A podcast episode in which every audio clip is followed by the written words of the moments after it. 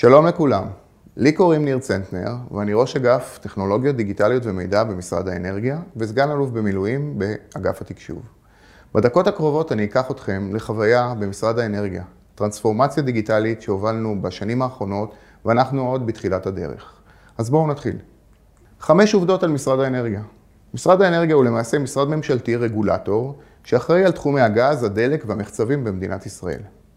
המשרד מבטיח את הרציפות התפקודית של משקי המים, החשמל, הגז, הדלק והאנרגיה המתחדשת בישראל.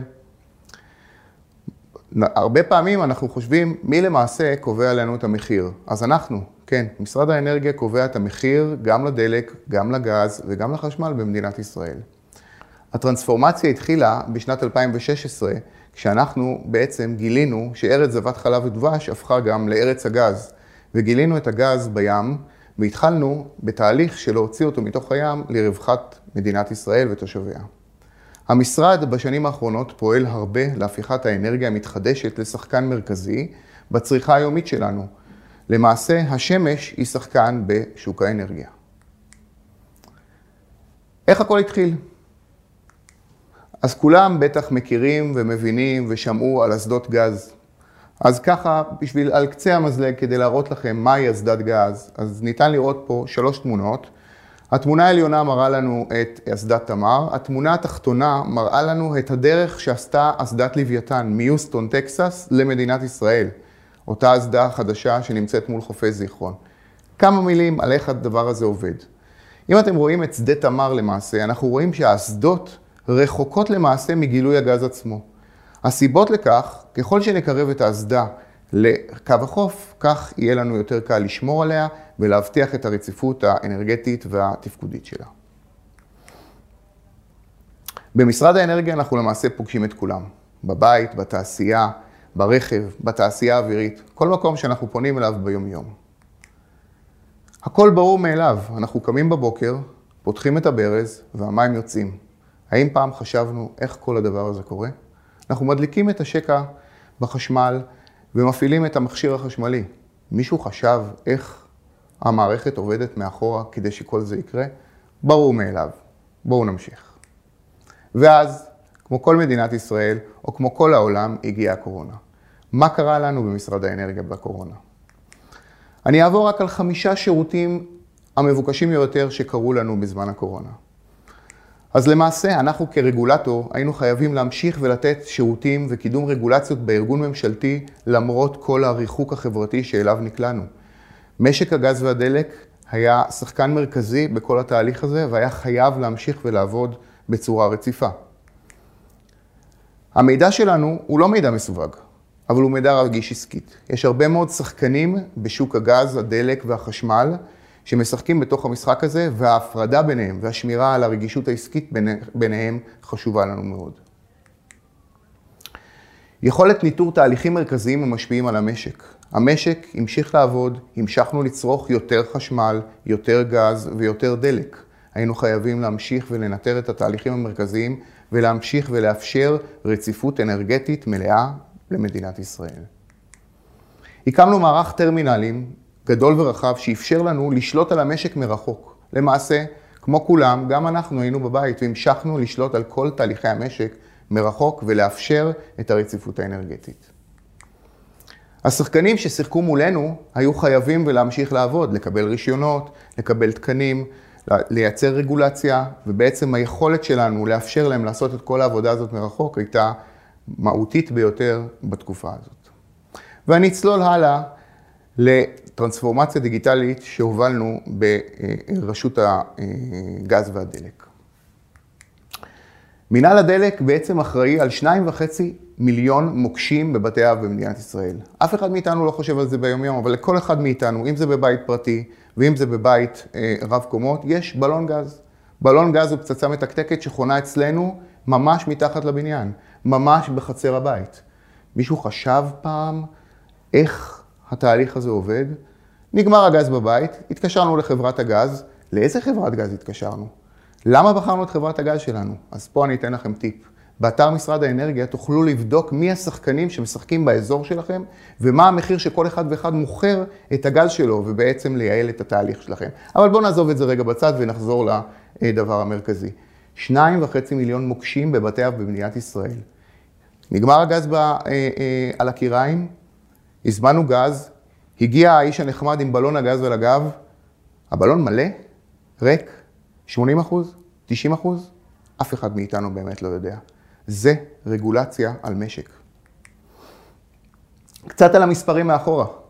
דיברנו על שניים וחצי מיליון פצצות מתקתקות בחצרות שלנו, אבל בואו נסתכל קצת מעבר. אנחנו מדברים על 87 אלף צוברים ביתיים, אותם צוברי גז במקום בלונים. אנחנו מדברים על שש שדות תעופה שאנחנו מתפעלים אותם ברמת האנרגיה, שני בתי זיקוק, 24 מתקני מילוי שבהם ממלאים את בלוני הגז, 2,000 מחסני גז שבהם מאחסנים את כל בלוני הגז, 1,200 תחנות דלק. 160 סוכנויות גז, 160 סוכנויות במדינת ישראל שמספקות בלוני גז לתושבים, 140 צוברי גז. צוברי גז זה אותו מתקן שמספק גז למפעל, למתקן אחר או כדומה. איך כל הדבר הזה עובד? כל הדבר הזה עובד בעצם, למעשה, בארבעה נישות מרכזיות. תחום הרישוי, תחום הפיקוח, תחום החקירות ותחום החשבות. וכדי לא לבלבל את כולם, אז אנחנו ניתן לדברים להיכנס פנימה כדי להבין כמה הדבר הזה מורכב. מתקנים, ספקים, בקשות רישוי, ביקורות בשטח, טיפול בליקויים, מעקב אחרי בקשות, מענה לחברות גז, סבב אישורים, פיקוח, חקירות, הרבה מאוד עבריינים שמסתובבים עם בלון גז על טנדר. זה סוכנות גז רצינית? זה חאפר? זה מישהו שמילא גז בבית ועכשיו בא למכור לנו? חשבות, דיווחים של החברות, הרבה מאוד שחקנים בתוך העולם המורכב הזה. כשבאנו להתעסק בעולם הזה גילינו הרבה מאוד פערים. גילינו חוסר בקרה ופיקוח מוגבל. האם משרד ממשלתי מסוגל לפקח על תהליך כל כך רחב באמצעות אנשים? שירות לקוי, מסורבל, איטי, יקר, מסכן חיים. חברים, חייבים לחשוב אחרת. חייבים לחשוב דיגיטלי, חייבים לחשוב בטרנספורמציה דיגיטלית שתמקן את כל התהליך הגדול הזה, עם כל השחקנים המרובים הזה, תפריד ביכולת העסקית של כל אחד ואחד מהם ותייצר רגולציה מסדרת. קראנו לזה טרנספורמציה דיגיטלית. אחת, מפשט את התהליך מורכב, מסורבל, חוסכת בזמן ובניירת ותומכת בכל סוגי הפעילות בשטח ובזמן אמת. אני רוצה לדעת בזמן אמת, פקח שמגיע לשטח, אם המתקן לא תקין, זה מסכן חיי אדם, אני רוצה לתקן את זה עכשיו, לחייב את החברה לסגור את המתקן ולתקן אותו עכשיו. אז בואו נעבור על היחידות. דיברנו על יחידת הרישוי, איך הכל התנהל. הציור מדמה אחד לאחד איך הכל התנהל, עבודה ידנית. שולחים את הבקשות בדואר, עושים סבב ידני, עוברים ממשרד למשרד ומחתימים על הבקשה. החברה מתקשרת ומבקשת סטטוס בטלפון, מה קורה עם הבקשה שלי? אני רוצה להקים מתקן חדש. ובסוף מקבלת היתר ידני. באה למשרד, אחרי הרבה מאוד זמן ותהליך, ומקבלת נייר ביד שאומר, את רשאית. אנחנו ב-2020, אוטוטו 2021, הקורונה לא עצרה אותנו.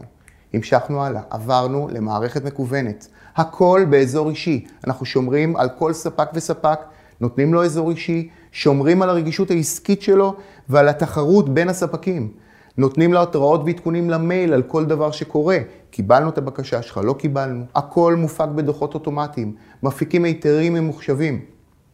והכל נעשה במערכת אחת מקוונת. איך נעשה הביקורת בשטח? הביקורת בשטח נעשתה ידנית. שישה פקחים במדינת ישראל עוברים מתקן-מתקן כדי לבדוק שאכן עומד בהנחיות. תיעוד ידני, ללא תמונות, תקשורת טלפונית, איך אני מגיע למתקן, איפה המתקן, איפה הוא נמצא. עברנו למאה ה-21. טאבלט בשטח, כל פקח יוצא עם טאבלט. הטאבלט, על פי מערכת ממוחשבת, שולח אותו בעזרת GPS למקום שבו נמצא האתר, למתקן עצמו. הוא עושה בקרה על פי פורמט שמופיע לו בטאבלט. ברגע שהוא גמר את הבקרה, הבקרה עפה לתוך המערכת, והספק מקבל התראה. המתקן שלך תקין, המתקן שלך לא תקין, תתקן את הליקויים בצורה מהירה עד הביקורת הבאה. החשבות, כל האקסלים שמסתובבים מאחורי כל העולם הזה. מעקב מורכב, כן קיבלנו את הדוח הנכון, לא קיבלנו את הדוח הנכון. הדוח הוא תקין, הוא תקין חלקית. ההגשה של הספק מסורבלת ומורכבת. עברנו להגשת דיווחים מקוונים. יש מעקב על בקרת שגיאות, המערכת לבד יודעת שלא מילאת את הדוח כמו שצריך ומחזירה לך אותו, מבנה אחיד, כולם מטפלים באותו דבר, הטיפול הוא קל ומהיר, וריכוז המידע נעשה בצורה מובנית לתוך המשרד. יחידת החקירות, חלק הפחות נעים בכל הסיפור הזה, אבל גם אותם עבריינים צריך להמשיך ולטפל בהם. איך מטפלים בהם?